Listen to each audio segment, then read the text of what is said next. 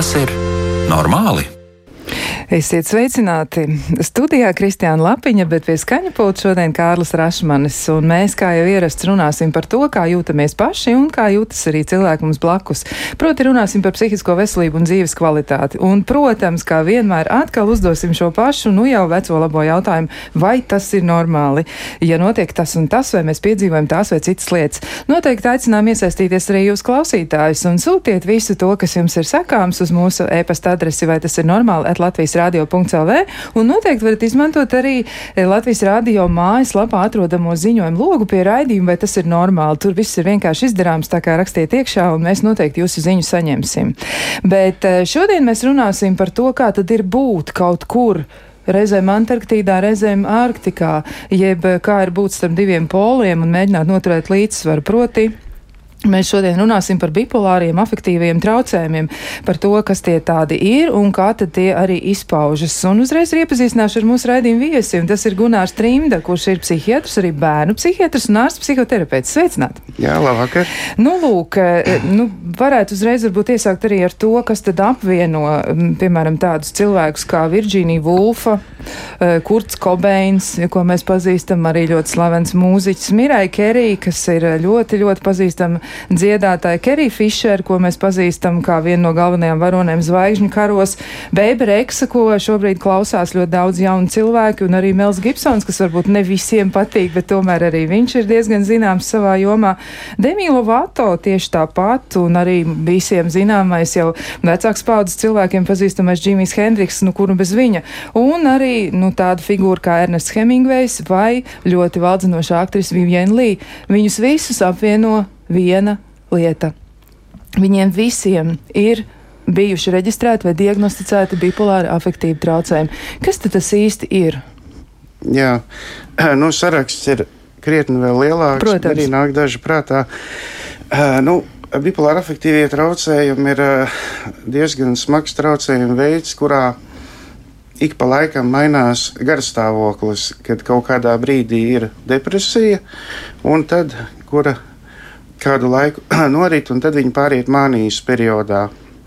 Teiksim, nu, tādi vieglāki periodi ir, kad vieglākās svārstības, nu, ja mazliet garstāvoklis ir drūmāks, ja, tad pārmainās uz tādu priecīgāku, to sauc par ciklotīmiju, bet principā bipolāra afektīva traucējumi ir, jā, nu, tāda diagnoze, kur uh, nu, teiksim, lai viņu diagnosticētu, vajag nu, vismaz nedēļu tādam mānijas periodam būt. Un tad tas mānijas periods, tad viņš var pāriet depresīvā periodā. Tad mēs runājam par to svārstīšanos.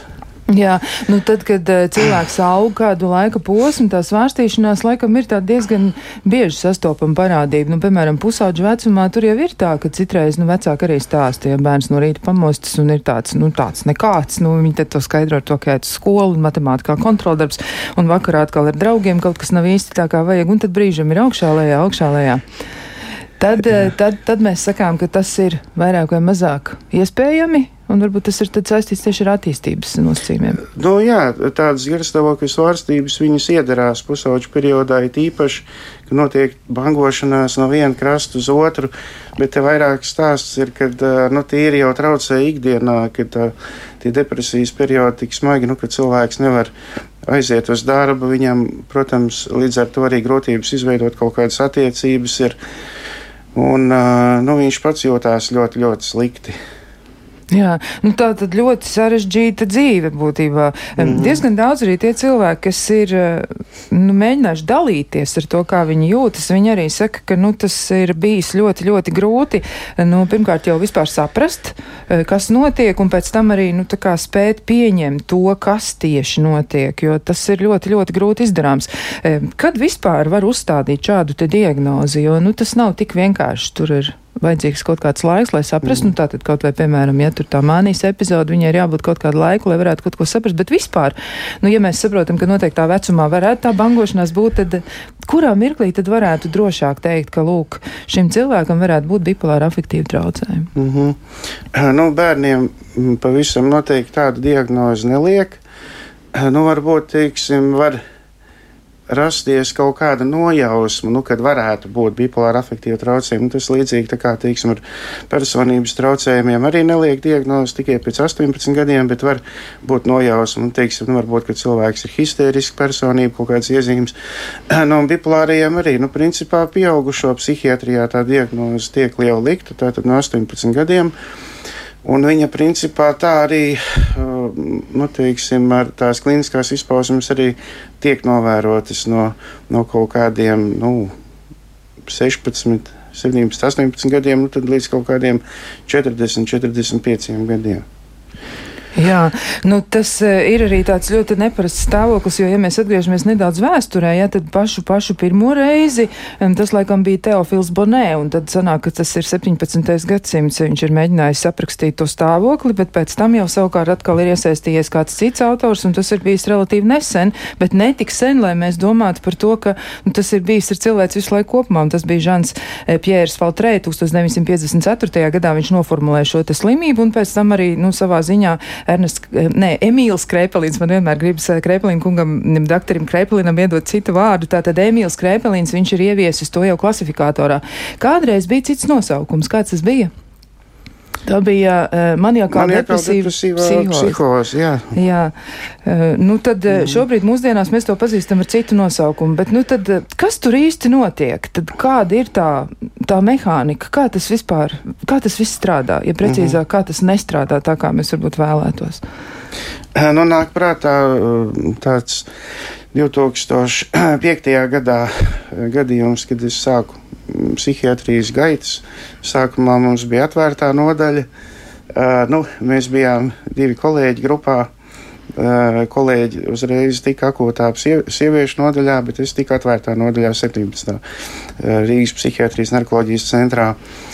Nu, lūk, tur bija sieviete ar, ar smagu depresiju, mākslinieci un nu, ļoti ļoti varēja just to smag, smagumu, kas viņā ir. Viņa tā ļoti lēnīgi runāja, un, un, un drēbes ir mm, tumšas, melnas, un, un, un, un acu skats ir bēdīgs, un balss ir klusa. Un, un, nu, ļoti var, var just to smagumu, kas viņā ko viņa nes. Ja? Un tad kādu nedēļu, nu, katru rītu es gāju apgaitā, nodaļā, ja? un tad kādu rītu es ieju palātā, un tad es tā paskatos nu, uz to gultas pusi, kur viņai būtu jābūt, un es skatos, nē, tur viņa nav.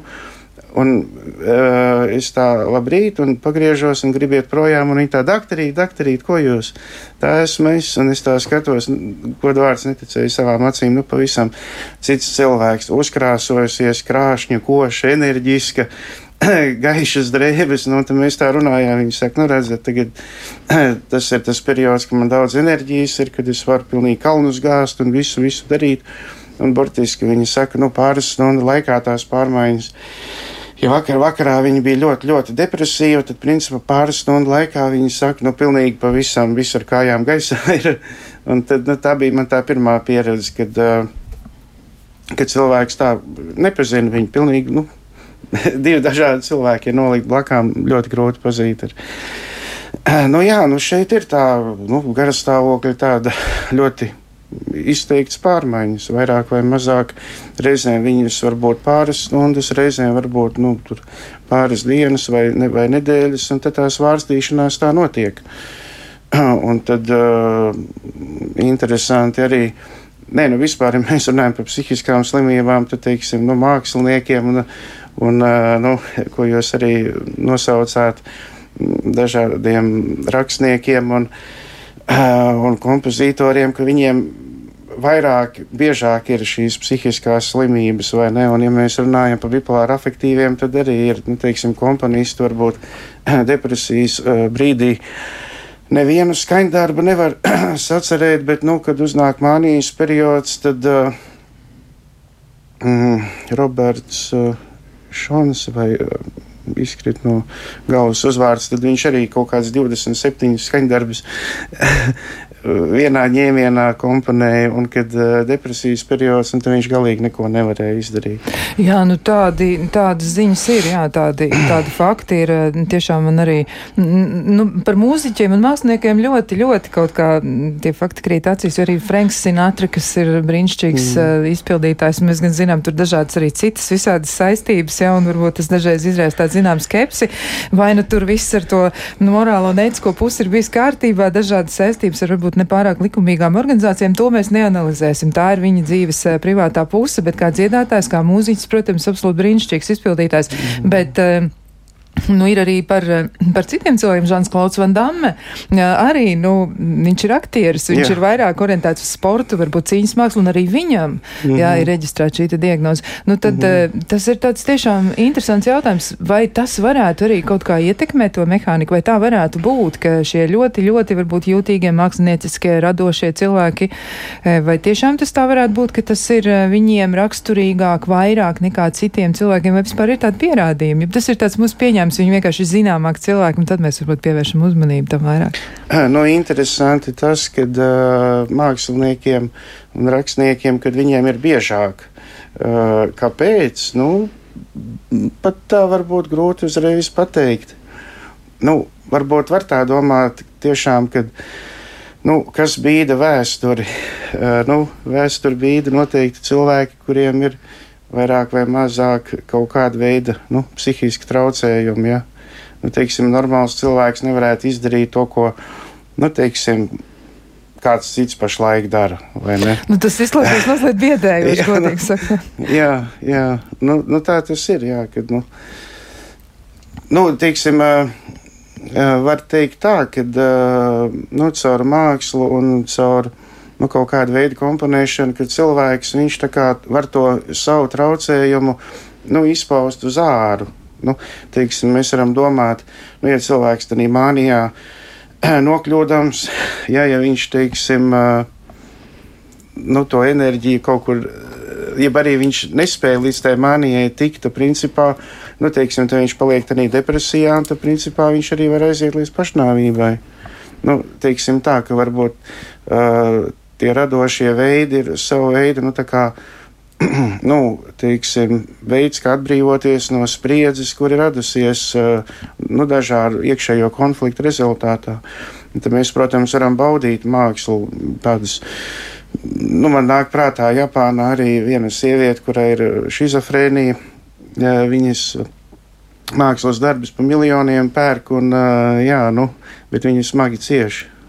Jā, jā, jā, vai tā nebūs tā slavenā mākslinieca, kurai ļoti daudz ir punktiņu? Jā, visur, jā, jā, jā? Nu tāpat. Jā. Tāpat, jā. Mm -hmm. Bet uh, šizofrēnijas tematu mēs noteikti arī analizēsim mm -hmm. kādā reizē. To mēs varbūt atstāsim mm, nu, kādam citam brīdim, bet atgriežoties tiešām pie mm -hmm. tiem iespējamiem cēloņiem un arī mm, tā saistība ar tādiem ļoti radošiem procesiem un, un radošiem cilvēkiem.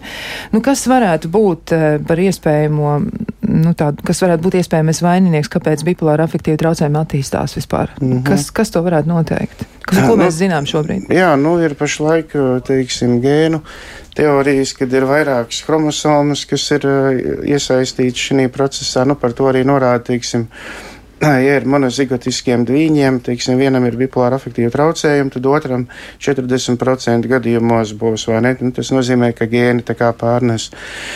Nu, nākamais ir kaut kādas bioķīmiskas izmaiņas. Mm, teiksim, nu, ir uzskats, ka norepinefrīna līmenis, ja viņš, teiksim, ir pārāk augsts, viņš var manī radīt tad vēl, teiksim, nātrija uh, jonu. Uh, funkcionēšana eh, šūnā, kā viņa teiksim, nokļūst eh, no ārpuses šūnā iekšā un atpakaļ. Teiksim, ir tāda caurlaidība, nātrija jonam ir eh, teiksim, tāda. Mm, kad nātrijas var ātrāk iekļūt šūnā, nu tad arī teiksim, tas var mani izraisīt. Un nu, no psiholoģiskiem cēloņiem, uh, nu tad man. Uh, jā, nāk prātā, kad nu, varētu būt tāda doma, ka cilvēks ir piedzīvojis krasas tādas tā kā mm, bērnībā uh, pārmaiņas, nu, teiksim, nu, vecāki alkohola atkarīgie, ja, un tad, nu, nu, gaišajos brīžos, nu, tad, viss ir labi, tad viņš saņem tur dāvanas, un tad uh, tur kaut kādu naudiņu vai uzslavas vai ne, bet tad ir pienāk kaut kāds brīdis, nu, kad vecāki tā kā, nu, sāk tā kā lietot to alkoholu, un tad, uh, nu, tad bērnam atkal pavisam cita pieredze ir. Un tad arī, teiksim, nu, tās svārstības, tā kā, varētu būt arī dzīvē, ka viņš to pārņem, jā, kad ir kaut kādi periodi, kad ir labi, ir kaut kādi periodi, kad ir slikti. Nu, tā kā ar to bērnības pieredzi varētu saistīt. Jā. Jā, un, un varbūt kaut kāda vēl cita iemesla, piemēram, tas, ka cilvēks saskaras ar, nu, nezinu, tādu fizisku izaicinājumu, varbūt, vai arī slimības kādas, mm. ko ir mhm. nācies pārciest, vai tur arī ir kāda pētījuma par šo, kas varbūt, nu, kaut kā sekmē to nestabilitāti vēlākajā dzīvē? Nu, kaut kādas traumas arī ļoti tādas, nu, teiksim, nu jā, kaut kādas uh, fiziska vardarbība ļoti, ļoti spēcīga un, uh, nu, emocionāla vardarbība arī varētu būt. Jā. Jā, nu, vēl arī, protams, labs jautājums ir eh, par to, kā tad vispār izdodas cilvēkiem, kuriem ir eh, nu, dažādi veidi tādas eh, psihoemocionālas un arī psihiski rakstura problēmas, kā viņiem izdodas būt kontaktā pašiem ar to, kas ar viņiem notiek. Kāda ir tā jūsu pieredze, ko rāda tas, ko jūs nu, redzat, kā pacienti vispār uztver to, ka viņiem ir bipolāra afektīva traucējumi, jo tas noteikti nav vieglākais brīdis uzzināt, nu, cilvēkam viņam iedot skaidrojumu, ja lūk, ar tevi notiek tas un tas bet mm -hmm. nu, mhm. šī diagnoze nav tāda, kas ir tāda ļoti, ļoti viegli pieņemama. Varbūt, varbūt dažam labam tas izdodas, bet varbūt mm -hmm. daļai cilvēku nav tik viegli to tik galā. Ko jūs novērojat savā praksē? Nu, cilvēki ļoti cieši. Nu, var teikt, tā, ka depresijas periodā cilvēks ir pārņemts nu, ar visu, kas ir depresijā, ar vainas sajūtu, viņiem ir zemes pašvērtējums, viņi, viņiem kauns pašiem par, par sevi.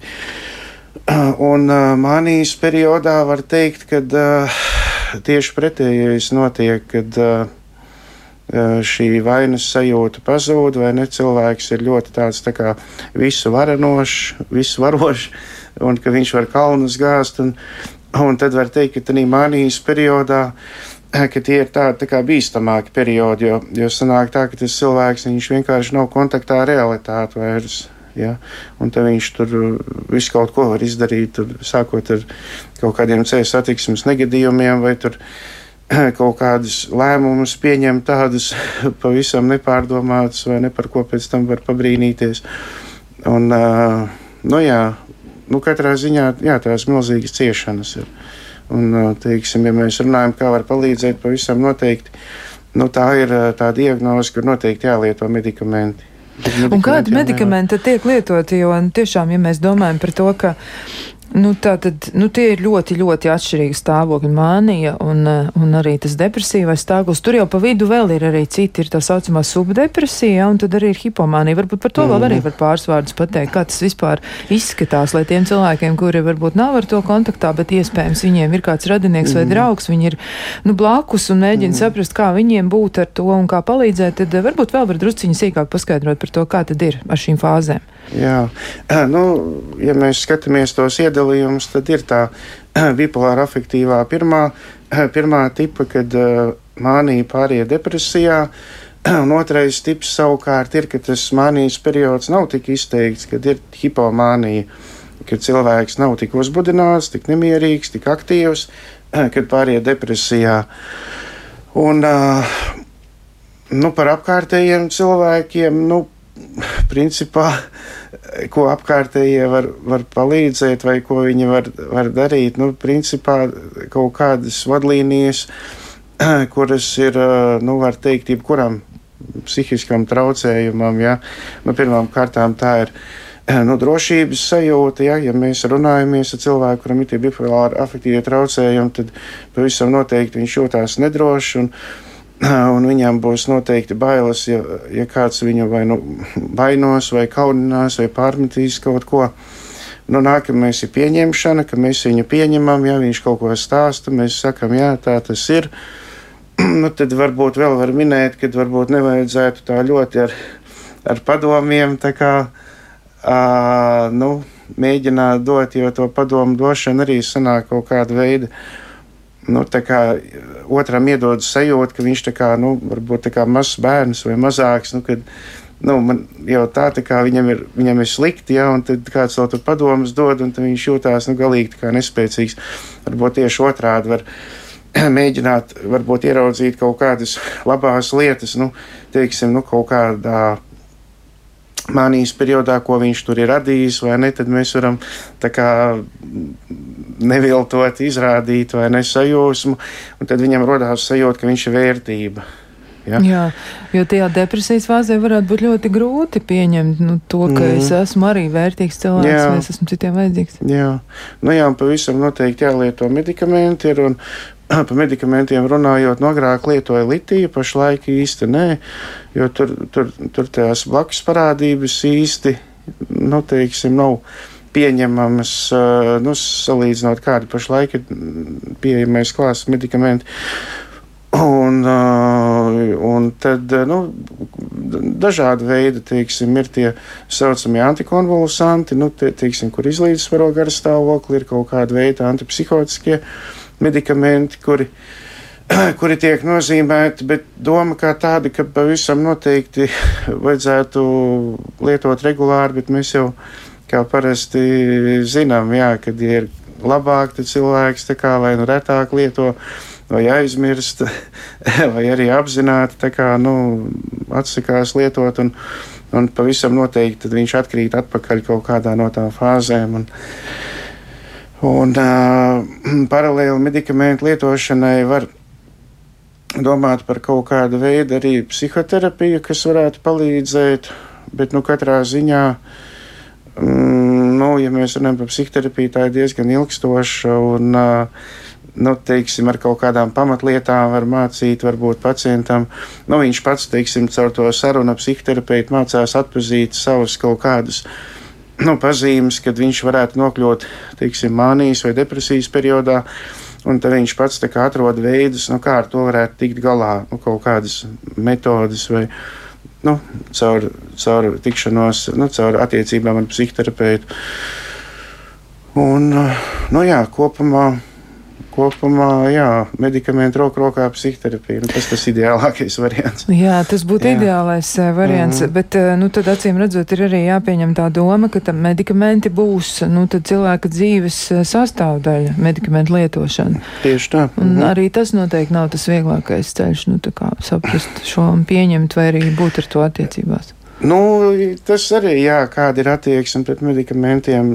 Man, nu, teiksim, bērnu psihiatrijā nāk prātā, nu, nereti, kad, nu, teiksim, skolās, kad, nu, parasti tā medikamentu lietošana saistās mazliet ar kaut kā kā vainas sajūtu vai ar kaunu, nu, kad pārējie tā kā iet varbūt pusdienu pauzē, bet man jāiet pie medmāsas vai ne, un tad, un katru dienu es eju pie tās medmāsas, un tad citi prasa, ko es tur daru vai ne, un tad, nu jā, es dzeru zāles, nu, ka tas, tas kaut kādā jā, mērā saistās tādām sajūtām. Nu, ir arī cita pieredze jānāk prātā, kad, kad tādi puiši, tādi aktīvi un uh, tendētu uz kādām antisociālām darbībām. Vienreiz arī kabinetā ienāk nu, trīs draugi, ja viens no viņiem lieto medikamentus, un tie draugi arī tādā sajūsmā saka, doktorīt, doktorīt, lūdzu, lūdzu, izrakstiet tās zāles. Ļoti labi, mēs draugi, mēs nevaram pa pazīt, viņš tāds kļūst tāds, tāds smaidīgāks un, un, un mierīgāks un nelamājās. Mēs ar to pašu gribam, lūdzu, lūdzu. Mm -hmm. no, tāda veida pieredze arī ir. Arī tā mēdz gadīties kādreiz jā. Mm. Bet, eh, nu, tiešām tas ir arī kaut kas tāds, eh, ko, nu, arī tā uzreiz neuzķers, jā, jo izrādās, nu, tas, ko mēs arī zinām no pētījumiem, ka nereti tā tad tiešām tie ir vēlīnie pusauģi gadi vai agrīnie brieduma gadi, un vismaz puse no gadījumiem sākas aptuveni pirms 25 gadu vecuma sasniegšanas. Mm. Un eh, tāds ļoti, nu, arī tāds būtisks aspekts ir tas, ka gan vīrieši, gan sievietes, un, un sociālā grupa arī šajā gadījumā laikam nespēlē nekādu lomu, jo neviens mm. cilvēks nav pasargāts no tā, ka tas varētu varētu attīstīties. Mm -hmm. um, jā, nu, Tad uh, vēl ir arī interesanti tas, ka sievietēm tomēr biežāk novēro strauji to ciklu maiņu, nu, ka tur tā nomaiņa notiek. Tas varētu ar ko būt saistīts ar to sieviešu, sievietes organismu hormonālo aktivitāti, jo sieviete ir tādā ziņā unikāla būtne, jā, nu, tur ir ļoti daudz dažādu pārmaiņu diezgan īsā laika posmā, atkal un atkal, mm -hmm. ja mhm. cikliski. Nu, ar hormoniem arī, jā, to varētu izskaidrot. Bet nu, tīri varbūt arī tas, ka teiksim, sievietes nu, ja var teikt, tā ir emocionālāks par vīriešiem, ka vīrieši jau kaut kā tomēr tās emocijas mēģina mēģina saturēt sevi, jo viņi ir vīrieši un viņiem jābūt taisnai mugurai. Un, uh, nav... Tur sociālā stigma tā jā, nu, jā, spēcīga. Kad viņi tā kā, nu, tā kā kaut kāda veida tās emocijas uh, liek blokus izrādīšanai. Jā. Jā, mm -hmm. nu, jā e, nu, bet e, pētījumi tiešām e, saka to, ka tā tad ir nu, strauja ciklu maiņa. Varētu būt sievietēm vairāk to novēro un arī vairāk mm -hmm. depresīvās epizodes un vairāk jauktās epizodes nekā vīriešiem. Nu, varbūt tas ir saistīts jā, tiešām ar šo, jo pats nosaukums ir arī ja, bipolāri afektīvi jā. traucējumi. Mm -hmm. Jā, nu mums ir vēl vesels lērums jautājumu, ko mēs uzdosim doktorim Trimdam, bet to mēs darīsim pēc ļoti, ļoti īsa brīža.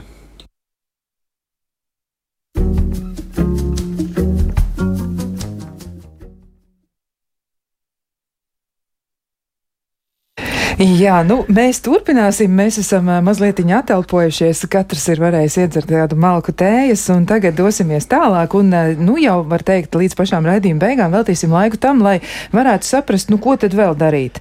Um, ja cilvēkam ir šie bipolārie traucējumi un um, Nu, tā tad, nu, ja tā, tā, tas cilvēks dzīvo blakus, ja, e, nu, tiešām ir tā, ka mānijas un depresijas epizodes viņas jau arī raksturojas ar kaut kādām noteiktām iezīmēm. Nu, piemēram, ja mēs runājam par to maniakālo epizodu, un doktor Trimdi, jūs arī teicāt, ja, ka mānija savā ziņā ir kaut kādā nozīmē bīstama, ja, nu, tad uh -huh, uh -huh. īpaši pacelēts gara stāvoklis, pārspīlēts optimisms, pašvērtējums un tāds pārspīlēts sabiedriskums. Un vienlaiks arī te varētu būt, piemēram, aizskaitināmība, jeb agresīva uzvedība, un kas vēl ir arī interesanti ko arī ļoti daudzi m, mm, pacienti stāst, kuriem ir bipolāra afektīvie traucējumi, ka viņiem tajā brīdī ir tāds grandiozas domas un milzīgi daudz visādi citādi. Mm. Nu, tad es varu visu. Mm -hmm. Un tad viņi saka, ka viņi gada laikā var izdarīt visu. Jā, jā, nu, to, jā. viņi nav izdarījuši pirms tam. Jā, nu ir divi veidi sajūtas. Ja cilvēkam ir mānija, tad daļa izjūt to tādu, nu, teiksim, ar tādu wow, forši.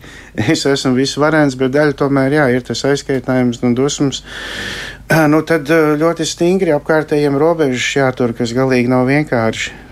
Un kā apkārtējie to var darīt? Kā tas varētu būt? Es zinu arī vienu mm. gadījumu, viens jauns vīrietis stāstīja, kā viņš tiek galā mānijas epizodē ar to, ka viņam ir ļoti, ļoti liela vēlēšanās tērēt naudu un dažādas mm -hmm. spontānas pirkums veikt, un tad viņš vienkārši šo naudu nodod ģimenei glabāšanā. Viņš saka, lūdzu, tad ņemiet vērā to, ka tad, kad ar mani šis te notiek, ja tad jūs esat tie, kas, nu, paglabā man tos līdzekļus un mēģina man mm -hmm. atkal un atkal pateikt, ka, nu, šis nav tas brīdis, kad pieņem to lēmumu. Nu, kā tad? nu, jā, tas sanāk, bišķiņi ir, nu, nāk prātā, ka nu, tas arī varbūt kaut kādā mērā varbūt arī mm, noņem atbildību nu, tam pašam cilvēkam, nu, kad viņš tā kā. Nu, tādā vietā, varbūt, lai viņš pats mēģinātu apzināties un sajust, nu, kad viņš kaut kur kaut ko ir nopircis greizi vai, vai, vai kaut ko izdarījis, nu, tad tā kā apkārtējie. Ja viņam palīdz, vai ne tādā ziņā, kad uh, tīri fiziski viņam, nu, ja mēs par naudu runājam, tad nav tā pieeja, tā nauda ir seifā vai ne, bet tad atkal uh, sanāk, ka viņam, nu, kur viņš dabūs to pieredzi, uh, nu, ko tad darīt, nu, tā kā, tā kā mazliet, teiksim tā, varbūt kaut kādu vidusceļu atrast, kur viņš, uh, varbūt nu, līdzīgi ar atkarīgām personām, vai ne tie līdzatkarīgie, kad tas cilvēks uzsita to punu. Bet nu, būtu labi, ja tas punis nebūtu tik ļoti teiksim, sāpīgs. Bet vai nav tā drusciņa bailīgi tiem radiniekiem, kur novēro to visu? Varbūt viņiem šķiet, ka tiešām nu, tas ir, nu, tas arī ir grūti uzticēties tam cilvēkam, ja mēs redzam, ka viņš dara mm. tādas, nu, kā mums šķiet brīžam trakas lietas, jā, un tad kā mēs uzticēsimies viņam, nu, viņam ir tā viņa nauda un viņam ir tā viņa vēlme. Mm. Nu, tad ļaut to pūnu uzsist nav tik vienkārši. Nu, nav, jā, bet, nu, jāpatur prātā, ka noteikti vajadzētu ir kaut kādas tādas pārmaiņas, tad, nu, pie tā paša psihiatra griezties.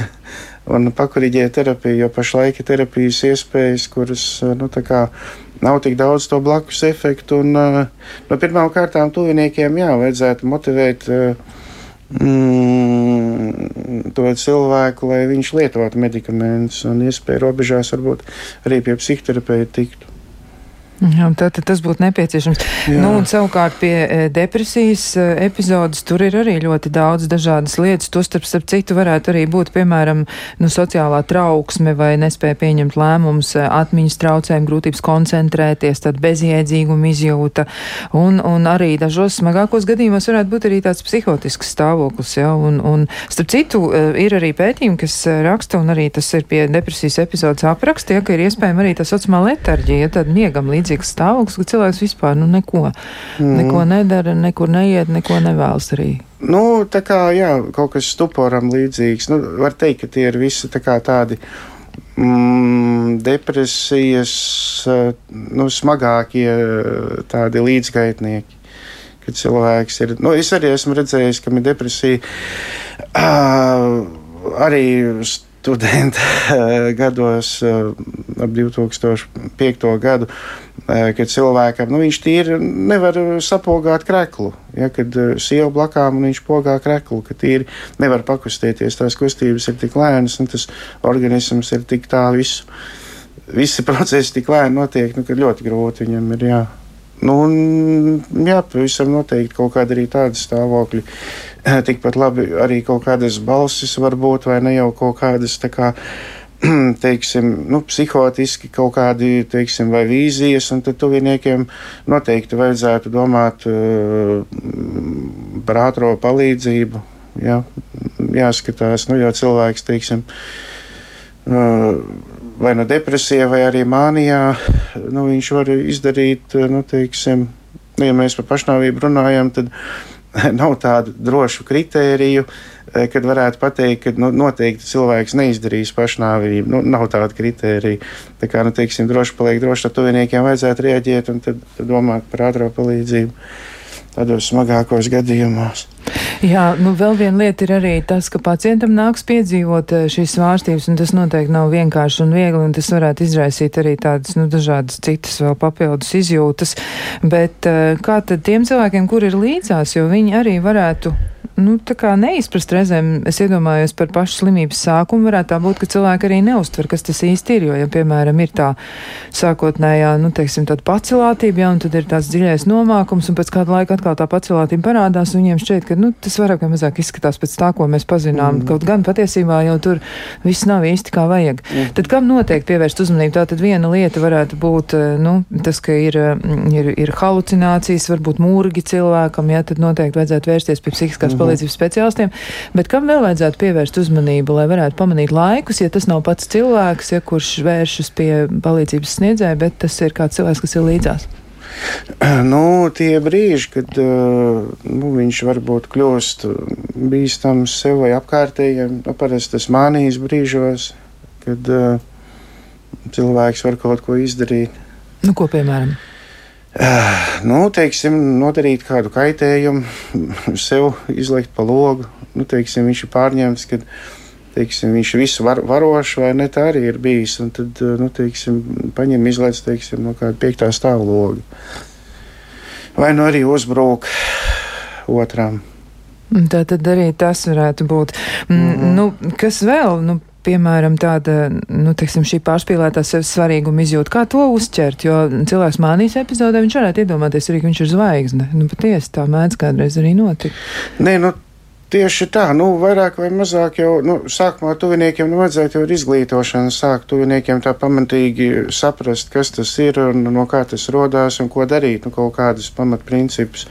Un tad jau būtu vieglāk, nu, teiksim, uh, ja cilvēks varbūt mēģina nomierināt otru, nu, tādi teicieni, ka tas jau viss ir, nu, tas teiciens visvairāk man patīk pēdiņās, nu, tas jau tikai ir, viss ir tavā galvā.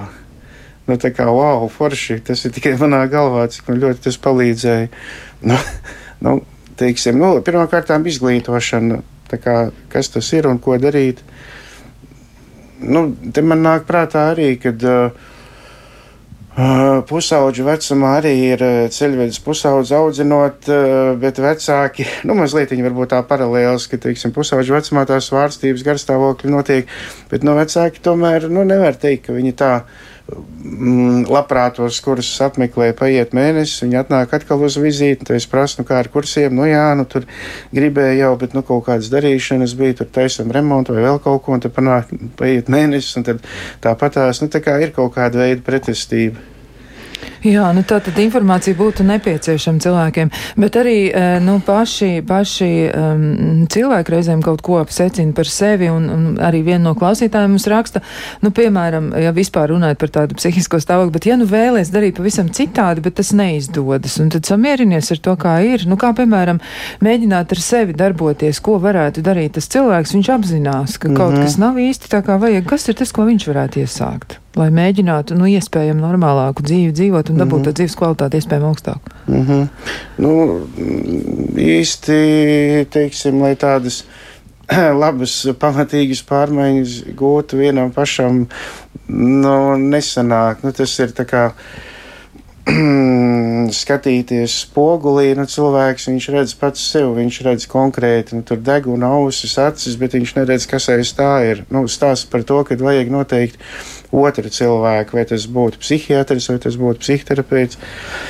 Eh, jo sanāk tā, nu, ka cilvēks eh, reizēm, nu, tā diagnoze, redzēt arī kaut kādā mērā cilvēku ieliek Mm, tādā tā kā būrītī vai rāmītī.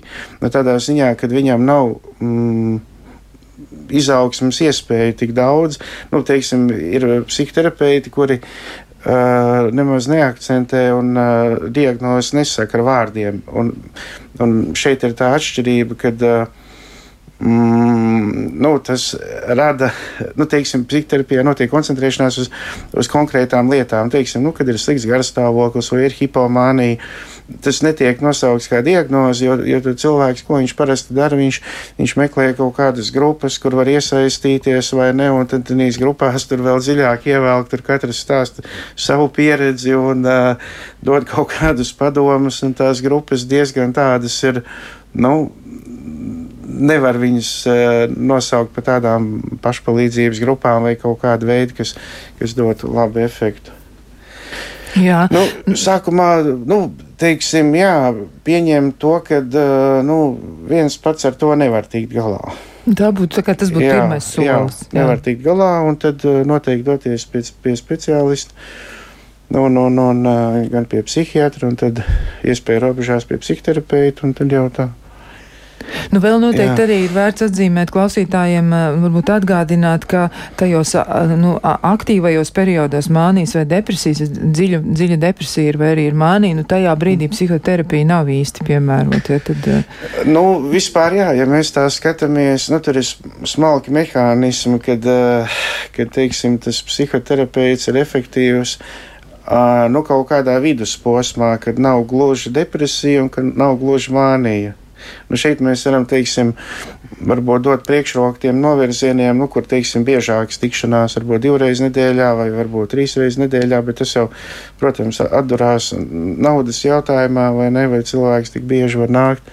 Bet, nu, principā, jā, tā ir, kad tā diagnoze ir smaga.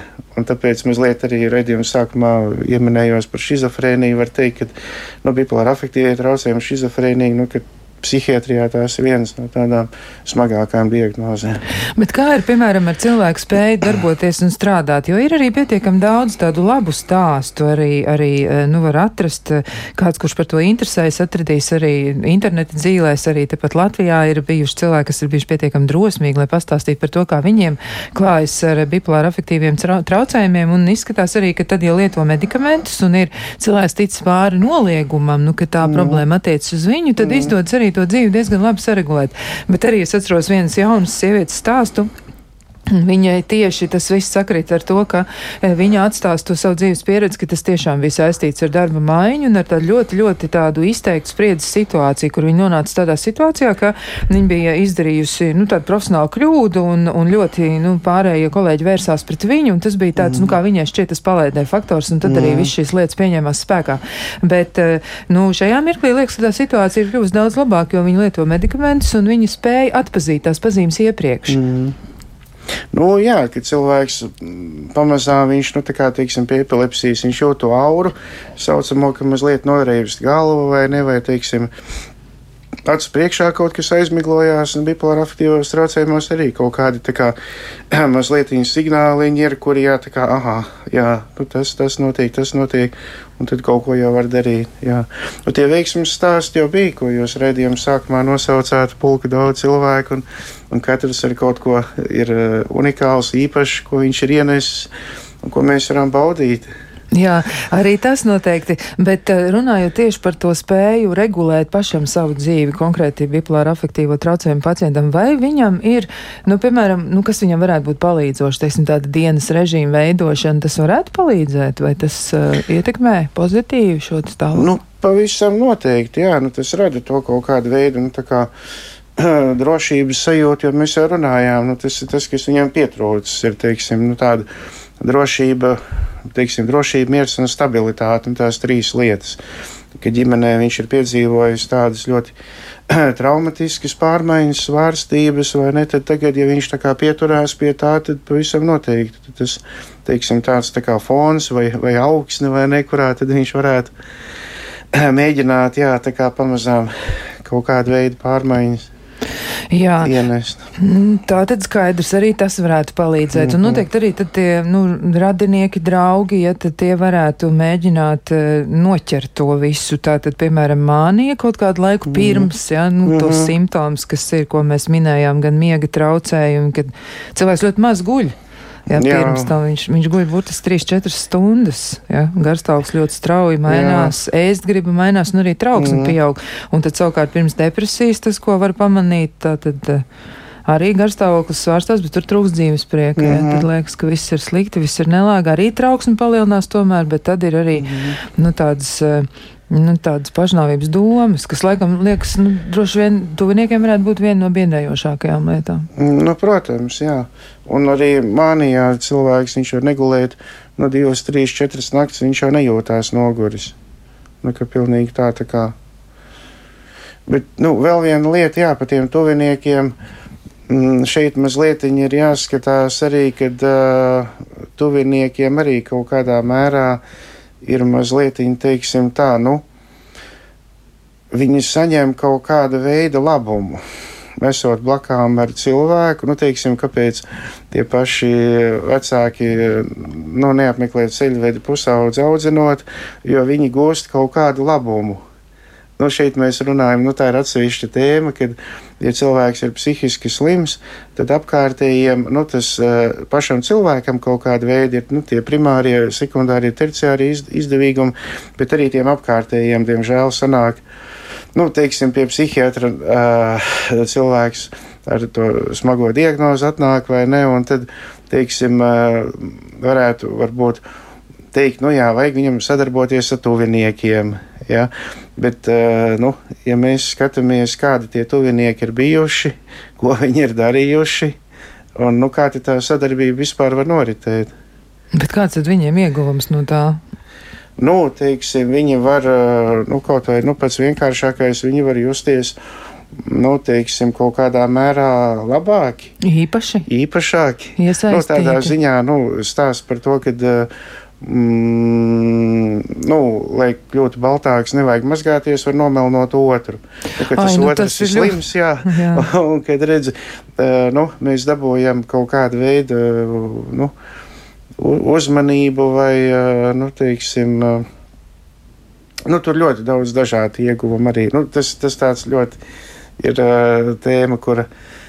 Traucē, nu, ja mēs skatāmies, ko varētu darīt bipolāra afektīviem traucējumiem, ka tie tuvinieki apzināti vai neapzināti viņi nepilda tos no, norādījumus, ko vajadzētu. Jā, nu, tātad, nu, tātad tur jādomā par to, kā to sistēmu visu iesaistīt un stabilizēt. Nu, principā, jā, jā sanāk, jā, ka tā ir tā kā, nu, sistēma, jā, ka tas nav viens cilvēks, ka tur ir vairāki, vairāki cilvēki un apkārt, un, un katrs ir ar savu kaut ko tā kā Jā. Labi, nu tad, eh, ja mēs paļaujamies uz to, ka medikamentozā terapija ir efektīva, tad varbūt mm. mēs varam nedaudz nomierināties attiecībā uz eh, nu, ģenētisko predispozīciju, jeb tādu nu, tā kā virzību, jo dati liecina to, ka, eh, ja, piemēram, vienam no vecākiem ir tie bipolārie traucējumi, tādā gadījumā bērna risks saslimt ir no 15 līdz pat 30 procentiem, bet jā, abiem vecākiem, un tā varētu būt arī kādreiz mm. dzīve saved kopā cilvēkus, mm. kuri, nu, viens otru kaut kādā mirklī varbūt pat labāk saprot, un tas nav nekas neparasts un tāpēc arī viņi reizēm ir kopā, bet šis risks, diemžēl, tad pieaug no 50 līdz pat 75 procentiem. Mm. Um, nu, ko tad ar šo? Nu, tas jau ir tas stāsts, jā, kad nu, mēs varam skatīties no ģenētikas, bet tikpat labi jau arī psiholoģiski var izskaidrot, ka, teiksim, ja ar vienu vecāku neizdodas izveidot to drošo piesaisti, Tad ar nu, otru tas varētu būt. būs ambivalenti vai ne, jā, tad par otru, nu, tas ir tas gaismas stariņš vai ne, pie kura var turēties. To, un, teiksim, tas arī dzīvē palīdz, vai ne, kad mamma man bijusi slima, bet tētis vai ne ir bijis tā kā, nu, vesels, jā, un tad uh, uz to veselā tēta tēlu es varu balstīties, un tad es dzīvē varu iet tālāk. Bet, ja jā. abi divi ir bijuši, nu, tad ļoti grūti tas sanāk cilvēks, principā, nu, tā kā pasaulē viņš, nu, viņam nav nav ne drošības sajūtas, nav ne tādu nu, pieredzes, kā veidot attiecības, kā emocijas izrādīt. Un, Un tie procenti varētu būt arī vairāk par 75. Jā, bet nu, tad labā ziņa ir tā, ka tas, protams, nav tikai saistīts ar ģenētiskiem faktoriem, mm -hmm. ka tur tomēr ir arī tādas citas lietas, nu, piemēram, domu saturs, kā mēs uzlūkojam dzīvi vai kā mēs raugāmies uz to, kas notiek ar mums. Nu, domu saturs, jā, bet domu saturam jau atkal ir uh, iemesli kaut kādi, nu, kāpēc mēs raugāmies. Tieši tā, un ne savādāk. Jā. Jā, nu vēl arī par tiem pašiem procentiem vēl mēs drusciņi arī um, precizējot, ir tā, ka atkal tie paši pētījumi saka, ka 20% no tiem jauniešiem, kuriem ir depresija, nu tātad jauni cilvēki, mēs mm. pieņemam 20 un mazliet, jā, uh, viņiem ir bijusi smaga depresija, tad uh, izskatās, ka mm, piektajai daļai tātad bipolārie traucējumi ir attīstīties nākamo piecu gadu laikā no depresijas epizodes sākuma. Tad, uh, nu, ko mums vajadzētu ar to darīt? Paturēt prātā to jaunieti, mm -hmm. kuram ir uh, smaga depresija bijusi, mm -hmm. ka tāds risks pastāv? Nu, jā, un šeit mazliet nāk prātā. Mums nav daudz laika nu, par tiem mehānismiem, kā pāriet depresiju uz, uz māniju. Nu, šeit mēs varam mm, pieturēties pie Freida teorijas par melanholiju, kur viņš savā monogrāfijā aprakstīja, nu, ja mēs pieņemam tā, ka melanholija nozīmē, ka cilvēks nav izgājis sērošanas procesu, ja, un kad viņš ir to cilvēku, kur viņš ir zaudējis, nu, vai nu fiziski, vai nu arī, teiksim, emocionāli, kad viņš nevar no viņa atvadīties, un viņš tā kā sevī patur to priekšstatu, vai ne, un sanāk, kad viņš tā kā saplūst ar to cilvēku, kuru viņš ir zaudējis. Un tas sanāk tā, ka ļoti daudz enerģijas, ļoti daudz emociju aiziet šī mehānismā, nu, lai noturētu to cilvēku kā sevī. Nu, tur mazliet ir nu, sarežģītāk, tur ir teiksim, tā Freida topogrāfiskā teorija, kad mums ir teiksim, instinkti, id, mums ir eh, no instinktiem veidojies ego, un tad ir tas superego, kas nosoda, vai ne? Un tad melanholijas gadījumā ir tas nosodošais superego, kurš tā kā soda to cilvēku. Eh, un tad, nu, tas rada milzīgu spriedzi, un, teiksim, mānijas epizode, nu, teiksim, kā varētu viens no tādiem skaidrojumiem būt, Eh, ka tas savu veidu nu, enerģijas izlāde ir, eh, kad manijas epizodē, nu, teiksim, depresijas epizodē eh, superego ir, teiksim, varenāks par to ego, tas, tas nosodošais. Jā, jā, jā. bet manijas epizodē ego saplūsta superego, un šeit nav nevainas sajūtas, ne kauna. Un tas varbūt tēlēni izsakoties, un, teiksim, bērni mīņājās pie durvīm, un, un tur būs kaut kāds foršs notikums, vai ne, un skolotāji tur netaisīs durvis vaļā, un bērni mīņājās, mīņājās, un tad beidzot kliks, noskan zvans, skolotāji attaisīs durvis, un visi bērni iziet priecīgi čalodam. Nu, varbūt tā tēlēni varētu salīdzināt, kad, kad ir tā depresija, vai ne, un kad ir milzīgs spiediens, spriedze, vai ne, un ka tās durvis tad atšaujās vaļā, un tad uz mirkli kļūst vieglāk. Bet kā Tas mēs varam novērst šos riskus, tad ko mēs varam izdarīt? Kā mēs varam tam jaunietim palīdzēt, lai nu, tos riskus samazinātu. Viena piektā daļa, nu, tas izklausās diezgan mm -hmm. iespaidīgi. Nu, tie paši speciālisti. Tie paši, tātad, nu, sākot ar izglītību, vai ne vecākiem noteikti vajadzētu iet uz kursiem vai ne, un arī pieaugušiem vajadzētu saprast, kas tas ir. Un tad nākamais ir tātad medikamenti, un trešais ir psihoterapija. Un tad noteikti arī, nu, teiksim, tuviniekiem iespējams kaut kādas arī atbalsta grupas vai ne, būtu noderīgas, un pavisam noteikti, nu, tas aicinājums ir griezties pēc speciālistiem. Jā. Galvenais padoms. Galvenais padoms. Jā. Tātad noteikti paturam to prātā. E, skaidrs ir, ka cilvēkiem nāks ar to šādi saskarties. Iespējams tiešām, ka tādi ļoti mākslinieciski radoši un tādi nu, ļoti, ļoti mm, radīt spējīgi cilvēki varbūt kaut kādā ziņā ir tādi, ko mēs vairāk pamanām, bet, nu, bipolāra afektīvie traucējumi tiešām tātad atceramies, tas varētu būt Vēlīns pusauģu vecums, agrīna jaunība, tā tad varētu iepriekš arī mēģināt to pamanīt. Mm -hmm. Ja mēs uh, saprotam, ka tas ir tieši tā, vai arī mums ir tāda nojauta, tad mēs dodamies pie speciālista, pie psihiatra un mēģinam arī pieslēgt klāt psihoterapeitu, lai beig beigās būtu tāds labs tas nārstēšanas process. Un, protams, arī laikam tad izglītošana jāmazina sabiedrībai kopumā stigma par šo visu. Jā, tieši Jā. tā.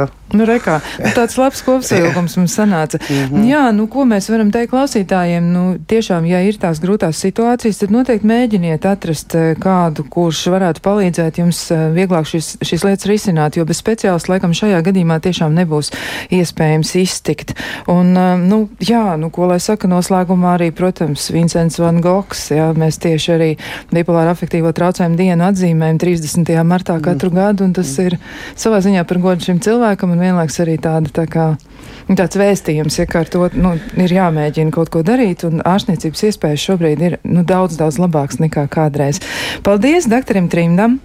Paldies par ieskatu bipolāro traucējumu um, situācijā, un uh, klausītājiem savukārt mēs varam novēlēt, nu tad mēģiniet arī paši vairāk izpētīt, nesabīstieties un tiešām meklējiet labu speciālistu, kurš varētu jūs atbalstīt. Un uh, noteikti arī, ja vēl kāds temats jūs interesē, mēģiniet paskatīties arī arhīvā, tur arī zem uh, raidījuma nosaukuma, vai tas ir normāli, atradīsiet arī citus tematus. Lai jums jauks vakars, un mēs ar jums tiksimies kādu citu reizi. Un uh, sveicienu no mums, ar jums kopā bija Kristiāna Lapiņa un arī Kārlis Rašmans. Uz redzēšanos! Jā, labvakar!